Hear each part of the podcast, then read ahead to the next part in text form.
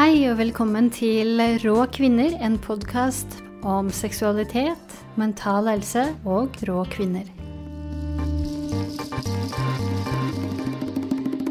Hei og velkommen til en ny episode. Mitt navn er Elise Ain, og i dag så har jeg med meg Linn Myrtveit, Myrtveit Stensrud. For vi skal snakke om når sex gjør vondt. Linn hun tar en eh, doktorgrad akkurat nå hos Oslo OsloMet, og der forsker hun på vaginisme og vulvodyni. Hei, velkommen, Linn. Hei, tusen takk for at jeg får være med. Jo, bare hyggelig. Eh, jeg syns at vi skulle snakke mer om eh, kvinnehelse, så da var du en selvfølgelig gjest. Jo, det er veldig koselig. Kan jeg også presisere at eh, jeg holder på med vulvodyni sånn veldig spesifikt, og egentlig ikke vaginisme, men det er to lidelser som veldig ofte opptrer sammen. Yeah. Så det betyr jo at de fleste av de jeg møter, også har en grad av vaginisme. Mm. Og så kan vi jo si noe om hva det, hva det yeah. er for noe og forskjeller, kanskje. Ja, kan ikke du si noe? Ja, nettopp. Ja, For det jeg holder på med og tar doktorgrad på, er eh, dette som heter vulvodyni. Eller mer spesifisert, da. Vi kaller det vestibulodyni. Eh, vulvodyni betyr rett og slett vulvasmerte. Så det betyr smerter i kvinnens ytre kjønnsorgan. Så ikke oppi skjeden eh, eller lenger opp, sånn som det er ved endometriose til livmoren, men at det er helt ytterst i slimhinnene, i nervene der. Og vestibulodyni, det betyr at den smerten er lokalisert i bakre del av skjedeinngangen. Eh, og man kan jo ha smerter flere ulike steder i vulva, og av mange ulike grunner. Og vulvodyni er jo da den diagnosen du får når du har smerter der i flere måneder uten at det er en annen kjent medisinsk årsak. For du kan jo selvfølgelig få vondt av at du har soppinfeksjoner eller andre hudlidelser og sånn. Så det er når det ikke er tegn på noe annet, eh, at du sitter igjen med denne her eh, utelukkelsesdiagnosen, da. Og de smertene er veldig ofte da i denne vestibylen ved den bakre skjedeinngangen. Men noen har det også lokalisert i f.eks. klitoris eller andre steder. Så det er litt varierende. Eh, og vaginisme, det er jo da muskelsammentrekninger, eller slags krampe, da, eh, inni skjeden, i skjedemuskulaturen. Så det er jo på én måte et helt annet fenomen. Men det kommer veldig veldig ofte samtidig. Det kommer så ofte samtidig at i USA så er det samme diagnose. Mens i resten av verden så er det to forskjellige. Mm. Og så er det jo noen som har disse smertene fra, fra, de er veldig unge. Noen som får det etter overgangsalder og alt imellom. Noen som har smerter hele tiden. Noen som bare har det hvis de prøver å ha sex eller sette inn en tampong eller sykle eller sånne ting. Eh, og veldig varierende smerteintensitet da, og varighet, ikke minst. Ja, Så det her kan egentlig oppstå når som helst i løpet av livet? Og det hørtes veldig skummelt ut når du sa det sånn, men uh, ja. det er jo det korte svaret. Ja. men det, vi ser jo at det veldig ofte så er det unge jenter da, som kommer inn med dette. Uh, altså det er en sånn gruppe etter overgangsalder som kanskje har en litt annen årsak, at det har litt mer med hormoner og sånn å gjøre. Um, men så har vi den, denne gruppen jeg holder på med, da, er jo de unge. Og ser at det veldig ofte har begynt i tenåra og 20-åra. Mm. Og jeg intervjuer jo par i 20-årene. Så jeg ser jo bare på eh, de, da, som er en undergruppe igjen. Ja. Men som er en veldig stor gruppe da, av disse. Vi vet en del om kvinnenes opplevelser og erfaringer. Og eh, ja, skal ikke si vi vet fryktelig mye om det medisinske grunnlaget for denne lidelsen. For det er jo fortsatt noe vi ikke helt skjønner hva kommer av. Og det fins ikke en sånn klar, enkel kur for alle. Eh, men det som har vært av forskning, har vært på kvinnene. Og så ser jeg på hvordan det påvirker pardynamikk og selvbilde, og hvordan paret mestrer det sammen, og hva slags betydning partnerne har, da, og deres reaksjonsmønster på dette. Ja, det kan vi komme tilbake til. Eh, først dette med at det kan hende at det henger sammen, disse to vulvodyni og, og eh, vaginisme. vaginisme. Hvorfor er det så vanlig at det henger sammen? Det er jo et godt spørsmål, egentlig. Eh, jeg tenker jo det ene er jo det at det kan være noen felles gener, for eksempel, eller noe annen sårbarhet som kan gi begge deler. Og det andre er jo, som jeg tror også man ser ganske ofte, da, er at de smertene har kommet først. Eh, og når du har smerter et sted, så blir du ofte veldig anspent. Og så setter det seg i muskulaturen. Når folk blir veldig stressa, så setter det seg ofte ulike steder hos ulike mennesker. At noen får det veldig lett i magen, andre får det i nakken, skuldre, rygg. Og så er det noen som da rett og slett får det i underlivet. da. Det er det jeg tror. Men vi vet jo ikke så veldig mye om uh, disse her lidelsene. Det er jo generelt veldig underforsket. Ja. Hvorfor er det underforska? Nei, det Åh, det må du spørre all verdens mannlige leger om. Det er jo Det er jo dessverre sånn at kvinnehelse har vært ekstremt lavt prioritert, og det er det egentlig fortsatt. Eh, I alle steder av verden, selv i Norge, som vi tenker er sånn superlikestilt, så er det jo vanvittig mye mer kunnskap og forskning på menn. Og det har vært sånn helt til, eh, helt til vi ble født, da, rundt 1993. Nå vet ikke jeg akkurat årskullet ditt. Men jeg ble født 1993, og først da ble det pålagt å inkludere kvinner i medisinsk forskning. Så fram til det så forsket man rett og slett bare på menn, eh, med unntak av sånn fødsel og svangerskap. Og noe av grunnen til det var jo at man var redde for at eh, medisinsk forskning, medisinutprøving og sånn, skulle ha negative effekter på senere barn og foster og sånn. Man var redde for kvinners svangerskap. Eh, etter særlig den her talidomide-skandalen, hvor man lagde sånn kvalmestillende som skapte veldig mye skader da, på fosteret. Så jeg tror slett det har gjort at folk har vært litt redde. Og så har man denne her jeg føler det er sånn litt myte at det er utrolig vanskelig å forske på kvinnekroppen fordi vi har en hormonsyklus. Uh, og det stemmer jo ikke helt at uh, det er umulig å forske på pga. det, og at menn ikke har det overhodet. Men det er sånne, man har hatt noen sånne argumenter da, for hvorfor det er vanskelig å forske på kvinner, og hvorfor det kanskje ikke er nødvendig. For man kan jo bare prøve ut alle medisiner på menn, og så har man tenkt at kvinnekroppen er såpass lik at det går fint. Og så har man jo funnet ut i senere tid at eh, det er ganske store forskjeller. Eh, store eksempler som ofte trekkes frem, er jo på hjerteinfarkt, hvor menn og kvinner har veldig ulike symptomer. Og det som er vanlig hos kvinner, det kalles atypiske symptomer.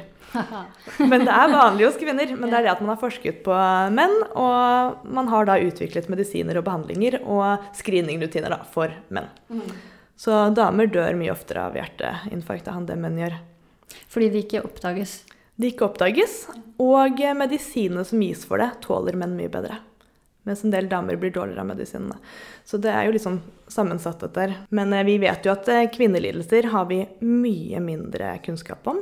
Kvinnekroppen har vi mindre kunnskap om. Og så er det jo Jeg er jo finansiert i min doktorgrad av Norske kvinners sanitetsforening som jeg anbefaler alle å melde seg inn i, for de sponser så å si all forskning på kvinnehelse i Norge. De gir mye mer penger til det enn det norske staten gjør. Og det er jo også på en måte kjempetakknemlig for at de gjør det. Samtidig litt deprimerende at staten ikke gir mer, særlig fordi de kom i fjor med dette såkalte Kvinneløftet. Eh, hvor de kommer med fem millioner til kvinnehelseforskning. Og i forskningsverdenen så er det ekstremt lite. Det er ingenting i forhold til det da frivillige organisasjoner som Sanitetskvinnene gir. Mm, så det er frivillige kvinner som sponser forskning på kvinner. Kvinner er kanskje vant til at det skal gjøre vondt når man har sex. Vi, jo, uh, vi har jo denne, hele denne myten om at jomfruhinnen fins, og når man har sex for første gang, så blør man, og, uh, og det skal gjøre vondt første gang. Og den ideen tar man kanskje med seg videre inn i sexlivet også. Eh, når er det man skal eh, undersøke om, om det her er liksom noe seriøst, dette, det at det gjør vondt?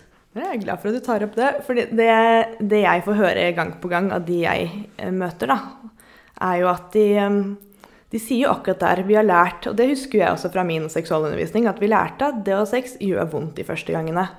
Så veldig mange tenåringsjenter går jo og tenker at det er helt normalt. Eh, og jeg tenker at vi kanskje vi kan legge den ballen død en gang for alle. fordi det skal ikke gjøre vondt. Hvis det gjør vondt, så ikke gjør det. Det er ikke sånn at eh, du skal ha vondt i seksuelle situasjoner i årevis liksom, før det går bra. Eh, veldig mange opplever kanskje at det gjør litt vondt første gangen eller et par ganger. og sånn. Og du kan si selvfølgelig det er jo normalt Eh, men det trenger ikke å være sånn. Det er jo ofte fordi folk er anspent og nervøse og stressa og kanskje ikke har hatt noe forspill og ikke er liksom klare nok i kroppen. Så det er jo absolutt ikke sånn at det er noe mål at det skal gjøre vondt, eller nødvendigvis sånn at det trenger å gjøre det. Men det er jo akkurat denne her myten som henger igjen, og som gjør at mange venter veldig lenge før de søker hjelp. Og så er det jo mange som da til slutt søker hjelp hos en fastlege. da, og mange får jo da også beskjed om akkurat det samme, om at det er jo helt normalt at det skal gjøre vondt.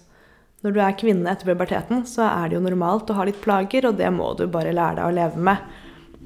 Og jeg har jo møtt mange som rett og også, ikke bare hos fastlegene, men også hos gynekologer som er spesialister på kvinnelidelser, eh, som rett og slett blir kjefta huden full fordi de kommer og tar opp tid med et problem som ikke fins. Og det at de har vondt, eh, det er jo bare normalt. Og sånn er det bare. Og det må du deale med.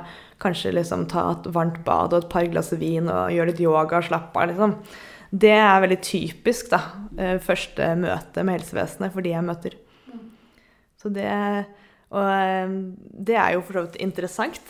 Men eh, noe av det jeg syns har vært enda mer interessant, er at jeg har også hørt fra flere av de pasientene jeg har møtt, eh, at de har kommet til legen som single eller med en kvinnelig kjæreste.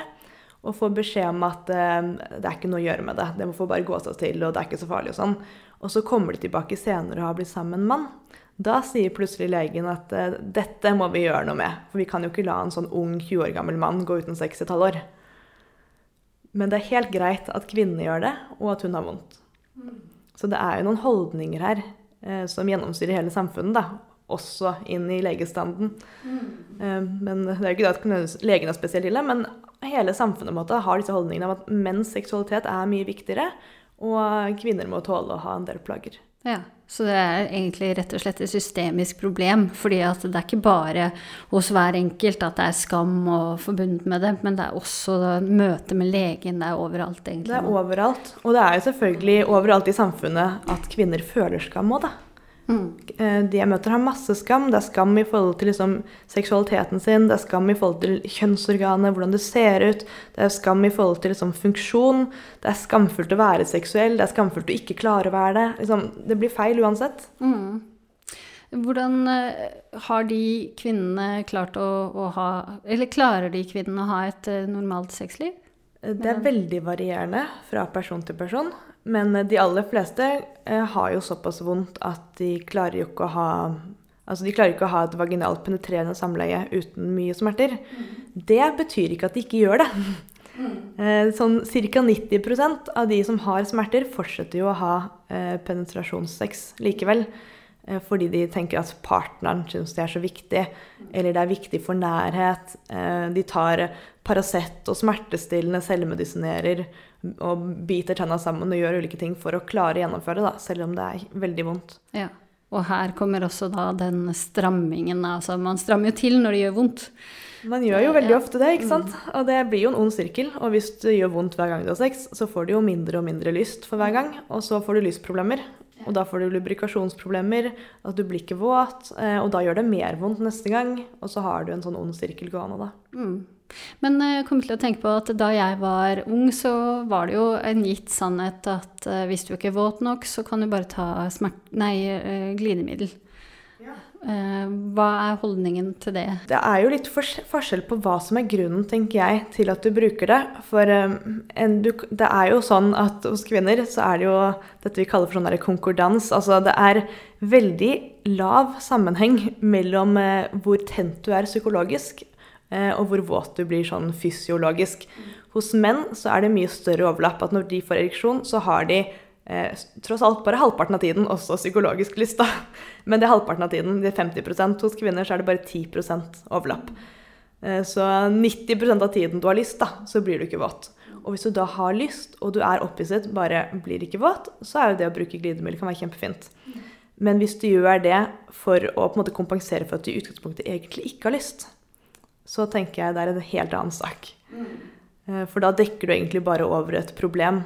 Og da havner du nok i den spiralen igjen. da, At du gjør ting, du presser deg og går over dine egne grenser og gjør ting du ikke har lyst til og ikke har glede av, eh, som gjør at du får mindre lyst over tid. Mm.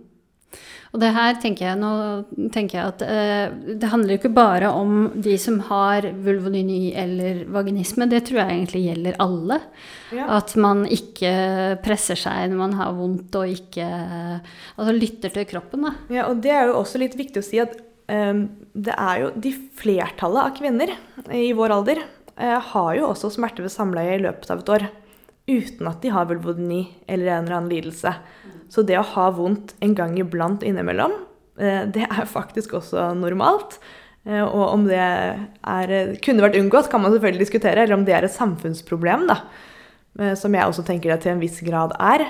At man veldig ofte har på en måte lært fra pornoen hvordan man skal ha sex, og så går man inn i et skript hvor man presterer istedenfor å tenke på hva som man faktisk syns er komfortabelt. Da. Mm.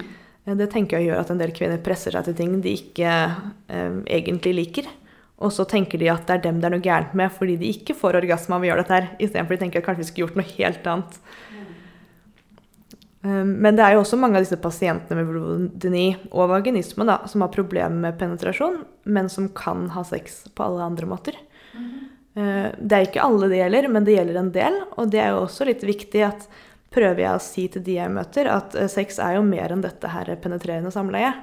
Men det, det har, er liksom satt på en sånn pidestall i vårt samfunn.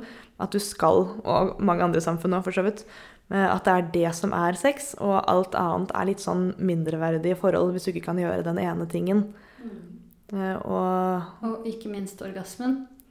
Ja. Som må komme på slutten. I hvert fall for mannen. Ja. ja. og det er jo mange av de pasientene jeg møter som kan få orgasme, og som kan ha for så vidt bra sex òg, selv med disse plagene. Så det er også viktig, syns jeg, å si, da. Mm. Eh, enten de har også Noen får jo orgasme selv om de har smerter. Noen syns jo at måte, kåtheten overlever smertene. Mens for andre så er det motsatt vei. da, At det er lite lyst og masse smerter. Ja. Så det er jo hele spekteret her. Mm. Er det synlig eh, om man har vulvodyni eller vaginisme? Det, kan man se det? Eh, vaginisme kan du på en måte eh, sjekke at du har. For hvis du går til en lege eller en fysioterapeut, Eh, så vil de merke at de musklene er så stramme at det ikke går an å få noe inn. Og du mm. har også sånne prober hvor du kan måle rett og slett muskeltrykket, hvor mye spenning det er. Eh, mens med vulvodyni så er jo det en sånn Som med mye annen kronisk smerte, da, så er det jo veldig usynlig.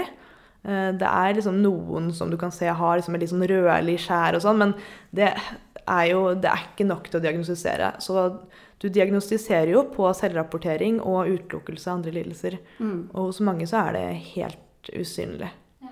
Og det er jo problemet, at du kommer til liksom lege etter lege, og alle sier at alt ser så fint ut, så dette er mm. normalt. Men hvordan behandles det? Eh, det er, eh, det er jo ikke sånn at det finnes én behandling som hjelper for alle. Men det fins veldig mange forskjellige behandlinger. Så det jeg råder folk til å gjøre, er jo slett å prøve seg fram til de finner noe som hjelper. Og så er det jo det er jo en heterogen gruppe, dette her. Det er ulike former for smerter, og det er nok ulike årsaker. Og det er kanskje også ulike lidelser som er satt sammen i en sånn sekkediagnose. Um, men uh, en del har jo glede av å gå til fysioterapeut. Uh, det er jo den vanligste behandlingen. Og det du også, kan du få med driftsavtale, så frikort, så du slipper å betale for det. Eh, og så er det en del som går til osteopater. Det er jo ofte private, så det er mye dyrere. Eh, men det eh, er det også veldig mange pasienter som har veldig nytte av. Og da er det rett og slett sånn pusteøvelser, det er tøying av musklene, triggerpunktmassasje, liksom disse her fysikalske tingene. Og så er det noen som får bedring av sånn xylokain, som er som bedøvelsessalve. Det får du kjøpt reseptfritt på apotek. Eh, jeg har det hjemme til å putte på myggstikk og sånn. Eh, så det er en del sånn Man pleier å begynne med det og smøre med det og se hvor mye det hjelper, da. Og det hjelper for eh, en, en gruppe, da, men ikke alle. Og så er det jo noen som syns at det hjelper mest å gå til en psykolog. Hvis f.eks. Eh, de plagene eh, oppleves utløst av traumer, tidligere overgrep. Eh, det er jo mange som går til sexologer, både med partner og uten, for å på en måte klare å få tak i sin egen seksualitet og lyst, og liksom jobbe med disse tingene. Så det kommer litt an på hva du selv opplever er hovedproblemet. Men det er jo da mange ulike veier å gå, da. Og dette med partner, det skal jo du begynne å, å ja. Har du kommet i gang med å forske på det? Jeg har gjort en studie på ja. partnere eh, tidligere. Og så si, videre utvider jeg den studien nå. Mm. Eh, viderefører, utvider. Ja. Intervjuer flere par. Ja. så jeg har, eh, jeg har eh, seks par foreløpig som jeg har snakket med. Og det jeg ser i disse parforholdene, er jo for det første det at de fleste snakker veldig lite om det. Eh, særlig kvinnene syns det er veldig vanskelig å snakke om. Og det er jo ikke så rart, syns jeg. For de får dette her når de kanskje er 17, i sitt første forhold med første kjæresten. Eh, de har aldri hørt om det før, legen har ikke hørt om det, det står nesten ingenting om det på nettet. Altså, hvor begynner du? Mm. Og de fleste syns jo det er fryktelig vanskelig å si til partneren sin at 'jeg klarer ikke å ha sex med deg fordi det gjør så vondt'. Um, og det syns jeg er litt interessant, for en del forteller jo at etter de har fått en diagnose, kanskje etter tre år, da, for det er jo mange som går i årevis, uh, da klarer de å si det til partneren. Men før de har på en måte ord og begreper og språk for å forklare hva som skjer, så er det veldig vanskelig å ta hensyn til det. Og det er jo også egentlig litt synd i samfunnet at det er sånn at en del jenter føler at det at de har vondt, da, er ikke god nok grunn. De må ha en lege som sier at det kan være lurt å ikke ha samleie på noen uker. For det kan forverre tilstanden. Mm. Um, men um, en del partnere også jo, forteller jo at de får litt sjokk når de får vite om dette her etter flere år. Jeg har jo snakket med folk som har vært sammen i over ti år, eh, og hvor partneren ikke har visst om noe. Ja. Eh, få vite det etter mange år, det kan komme ganske brått på. Og en del får jo da veldig skyldfølelse når de skjønner at de har utsatt partneren sin for masse smerte. Uten at de selvfølgelig har visst om det, så de har jo ikke gjort det med vilje. De har jo ikke vært liksom kjipe og slemme. Men de har rett og slett ikke skjønt. Og det er også veldig varierende. For noen ser det jo på hele personen at de spenner seg og de har ordentlig vondt. Og da skjønner jo de partnerne det òg. Mens andre er så gode til å late som alt er greit, at partneren ikke merker noe, da. Og det kan jo gi ganske heftige reaksjoner hos noen av de partnerne. Jeg har møtt partnere som har liksom fått angst etter det, som har blitt deprimert. Eh, noen ser på seg selv som voldtektsmenn. Altså det går ganske drastisk utover det selvbildet til noen. Mm. Og det ser man jo også i forskningen, det lille som er gjort på partnere. At også partnere til disse pasientene har mer angst- og depresjonssymptomer og lavere livskvalitet og mer seksuelle problemer, ereksjonsproblemer og sånn, enn det menn med an, eh, si, mannlige partnere til kvinner uten underlivssmerter. da. Så det her er jo noe som går utover et par og et eh, forhold, ikke bare de kvinnene. Samtidig så er jo partneren eh, også ofte den viktigste personen for disse damene. Fordi den partneren er den eneste som måte, til en viss grad forstår hvordan det er, og som ser henne når hun har det ordentlig ille. Og kanskje er sykemeldt eller ufør, ikke går ut på fest, ikke går på jobb, ikke går på studier, ikke møter venner. Og mange har jo ikke fortalt det til noen. Um, og særlig partnerne forteller jo det når jeg snakker med dem, at jeg er den første de har kunnet snakke med om dette her. For de kan jo heller ikke snakke med sine venner og, og familie og sånn i frykt for å utlevere den partneren. Ja.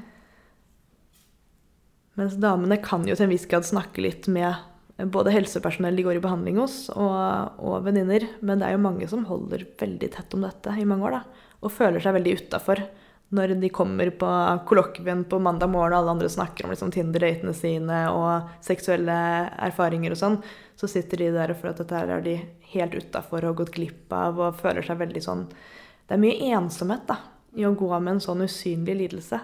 Du får ikke noe sympati når ingen skjønner at du har noe vondt. Nei.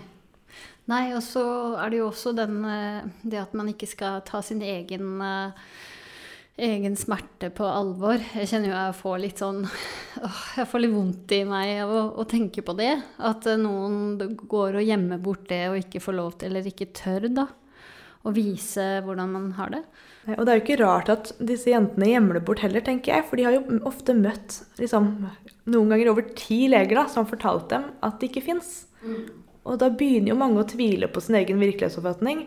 Og så er det en del som har denne her holdningen om at det er bare psykisk. Og det syns jeg som psykolog er veldig interessant. At når noe er psykisk, så oppfattes det på en måte som ikke virkelig, og kanskje også selvpåført.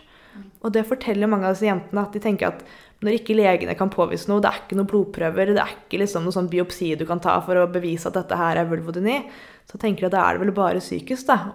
Ergo er det min skyld. Eh, som er en interessant kortslutning. Men eh, det er noe mange av disse jentene går og bærer på en sånn vanvittig skyldfølelse. For det er eh, deres skyld, det er de som er for nevrotiske, de stresser for mye, de eh, har gjort et eller annet. Altså, jeg hører alt fra folk kommer og sier at eh, dette kommer fordi jeg har hatt altfor mye sex. Folk kommer og sier jeg har dette fordi jeg har hatt altfor lite sex. Altså, er, folk klarer på en måte å legge det på seg selv, uansett hva de har eller ikke har gjort. Da. Og så har de et helsevesen som av og til bygger opp under det. Og så syns jeg det er viktig å si at det fins også utrolig kompetente leger og andre behandlere på dette her i Norge og resten av verden. Det er bare at det, de er litt få, og de har lang venteliste, og det er vanskelig å komme til dem ofte. Det tar lang tid, da. Mm. Men den kompetansen finnes. Eh, Men de jobber ofte ikke fulltid offentlig med dette her, fordi det gir ikke staten penger til. Mm. Hvor er det man kan finne de igjen da? Eh, Hvis du går gjennom det offentlige, eh, så er det jo sånn at eh, fastlegen som regel, da, etter å kanskje ha forsøkt å behandle deg for sopp og bakteriell vagnose og testet deg for all verdens eh, hudsykdommer og kjønnssykdommer og sånn, eh, så henviser de deg sannsynligvis til en gynekolog. Eh, Og så tar de og tester. De kan se litt mer om det f.eks. er hudlidelser, da. Og hvis gynekologene heller ikke finner noe, så henviser de ofte videre til vulvaklinikken. Og vi har tre vulvaklinikker i Norge. I Trondheim, Oslo og Kristiansand. Eh, Og der jobber det jo flere mennesker med spisskompetanse på dette. Det er hudleger, det er gynekologer, det er liksom fysioterapeuter og eh, ikke så veldig mange psykologer, dessverre, men det kommer kanskje etter hvert. Men problemet er jo at de, de er oppe sånn en dag i uka eller en dag i måneden og sånn. Så alle disse super spisskompetansemenneskene eh, får ikke jobbet fulltid med dette. De jobber bitte litt der. Og det står rett og slett på pengene da, i helsevesenet. Eh, Og nå er det jo sånn i gamle dager så tok jo Oslo I gamle dager, altså sånn helt til i fjor, så tok jo Vulvaklinikken i Oslo imot pasienter fra hele landet. Eh, Og det ble så lange ventelister at det gjør de ikke lenger. Så nå tar de bare fra liksom, helseforetaket, da. Så de som eh, bor f.eks. i Nord-Norge, de har ingen vulvaklinikker de kan dra til. Ikke engang i Trondheim. Eh, Altså nå tror jeg skal jeg være litt eh, ikke kjempepåståelig på det, men jeg tror nå alle bare tar fra eget helseforetak. Så det står eh, mange tusen kvinner som ikke har noe tilbud whatsoever. Og så er det jo litt sånn at de som også jobber privat, de, veldig mange av dem er jo i storbyene. Så det kommer jo folk til Oslo fra hele landet for å gå til osteopat, eksempel, men skal du gå en gang i uka da, til fysioterapi eller noe sånt, så er jo det ganske håpløst hvis du skal komme fra liksom, Tromsø til Oslo. Det høres ut som en dyr eh, pasientreise. pasientreise. Ja, eh, ap apropos dyr, altså det her er jo en dyr lidelse for Ja. veldig mange å ha. Eh, og det er jo mye studenter og unge jenter som ikke har veldig god råd. Og de aller fleste går jo masse til private behandlere, både for å få diagnose og utredning og for å få behandling etterpå. Så det er jo en lidelse mange bruker eh, hauger av tusen på da, i året. Og det kjenner jeg er skikkelig urettferdig at de må betale av egen lomme. Fordi sex er jo eh, en del av livet. Det er jo, eh, holdt jeg på å si eh, Nei, det er jo en del av intimitet. Av, altså Det er nødvendig Og så handler det jo ikke bare om sex, men det handler jo også om eh, unge mennesker også som går med kroniske smerter. Ja, ja. Eh, og de Ja, har jo ikke bare er problemer med sex. sex. Det er ikke bare når de har sex. mange har problemer med å gå med bukser, de har problemer med å sitte på en stol på forelesning, de har problemer med å sykle, de har problemer med å bruke tamponger, de har problemer med å bruke bind. Altså, det er så mye annet som er problematisk, og det forteller jo også mange av de jentene jeg prater om. Med, altså, de er veldig opptatt av det at det er ikke bare et seksuelt problem, det er et problem for hele deres identitet. Eh, mange slutter å trene, for de får vondt av det. Eh, De melder seg sosialt ut av vennegjengen fordi de har smerter, eller de går på smertestillende de kan kombinere med alkohol, og så dropper de å gå på fest, og så kommer de ikke på forelesninger fordi eh, de klarer på en måte ikke å fortelle folk at jeg må dra hjem, eller jeg må være hjemme i dag fordi jeg har så vondt i tissen. Så da sitter de hjemme og på en måte later som alt er greit. Og en del forteller jo også at de må på en måte totalt legge om klesstilen sin, og det er litt vanskelig. Og det er også en del av identiteten og din sånn måte å uttrykke det på. Så det har store ringvirkninger. Eh, hvor mange menn er det som eh, forsker på disse tingene? Eh, I USA så er det to mannlige leger som har vært ganske sånn fremme i bresjen for dette her. Eh, det jobber jo også eh, noen mannlige gynekologer på vulvaklinikkene. Men det er vel eh, kanskje godt over 90% damer i feltet. Og der du forsker ditt, i ditt felt? eh, Ja, I min lille gruppe eh, så er vi fire damer og én mann. Ja. Så vi har en mann. vi har en mann med. Der er alle andre enn meg fysioterapeuter. Ja. Eh, Men de forsker da på Oslo Møtt, da. Så har vi en gruppe som forsker også på behan nye behandlingsmetoder. eh, Hvor de utvikler en ny type terapi da. Eh, Og ser på om den kan være bedre da, enn det som tilbys til de fleste i dag. Og det tror vi jo selvfølgelig at den er, så det er veldig spennende å følge med på videre. Neida, så det fins masse flinke folk, og det jobbes jo veldig iherdig med det nå. Eh, Jeg føler jo at det er litt i vinden. Og nå, altså bare da jeg begynte for fire-fem år siden, eh, så fantes det jo ikke norske nettsider som snakket om dette her overhodet. Jeg hadde aldri liksom lest om det noe som helst sted. Mens nå er det jo hauger av podcaster og kronikker der ute, og det er artikler, og det fins nettsider. Som, og ikke minst har det kommet en pasientforening. Det er også veldig fint kanskje for pasienten å vite at det kom en pasientforening i fjor, Vulvodyni-foreningen. Og de jobber jo også da både politisk eh, for å få mer penger til dette, eh, og samarbeider med helsepersonell, og jobber da for sånn likepersonstilbud og ulike tilbud til pasienter og partnere. Mm, skjønner. Ja, det er bra. Det skjer ting. Det skjer ting nå. Det Ja. kommer sent, men godt. ja. ja, ja, men det er jo bare hva da, 20 år siden eh, Ja, litt over 20 år siden vi visste om klitorisen, så ting, ting tar tid.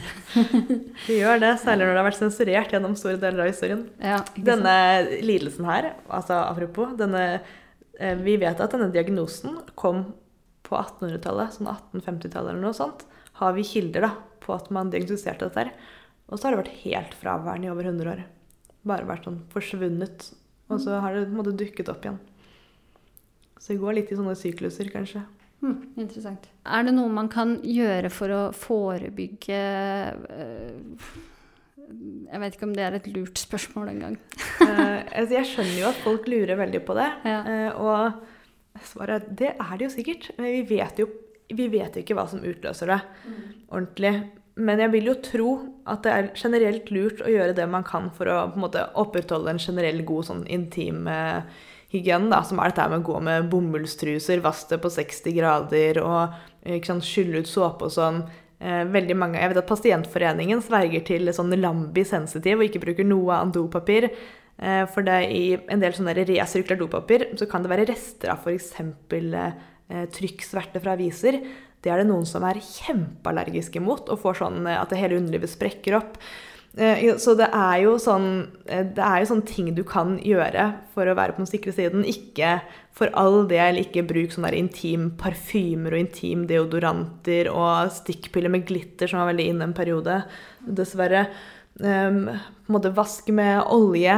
Ikke, um, eventuelt skal du smøre med noe smør med liksom hvit vaselin. Ikke putt på masse ting. Og kanskje det er spesielt tror man jo også at eh, mange kanskje har fått det utløst av sånn eh, reseptfrie kanestensoppkremer. Eh, Så lurer du på om du har sopp, ikke gå og selvbehandle det med en gang og smør med masse av disse kremene, men heller gå til en lege, da, få en dyrkningsprøve og få de kapslene. Du kan svelge hele. Eh, Og så er det jo generelt sånn, som vi snakket om på starten, da, måtte ha sex når du har lyst. Og ikke press deg for noen andre når du ikke egentlig har lyst. For da gjør du på en måte både deg og partneren og hele forholdet en bjørnetjeneste. Ja. Kvinnelig, altså nytelse hos kvinnene er alfa og omega. Nei. Ja, Ja, gjør det som føles bra, og unngå det som føles feil. rett og slett. Ja. Og det er ikke alltid så lett. Amen! Det er en god leveregel. Ja. Ja. ja, men da har ikke jeg flere spørsmål, jeg. Men uh, har du noe annet på hjertet? Oi, nei, jeg syns alle skal melde seg inn i Pasientforeningen. Ja. Og Sanitetskvinnene. Mm. Sponse kvinnehelse. Um, og selvfølgelig alt, alle som hører på og leser disse sakene når de er i KK og i VG og Dagbladet og sånn, eh, bidrar jo til å spre kunnskap om det. Mm. Og jeg drømmer jo om en sånn framtid der tenåringsjenter får dette her og sier liksom at 'Å ja, jeg fikk vulvodyni. Ja, men det vet jeg hva er.' Og så går de til legen som konstaterer diagnosen med en gang og sier 'Ja, det er det. Vi sender deg inn i dette pakkeforløpet', og så får du sjopp, sjopp, sjopp, liksom fysioterapi og psykolog og alt.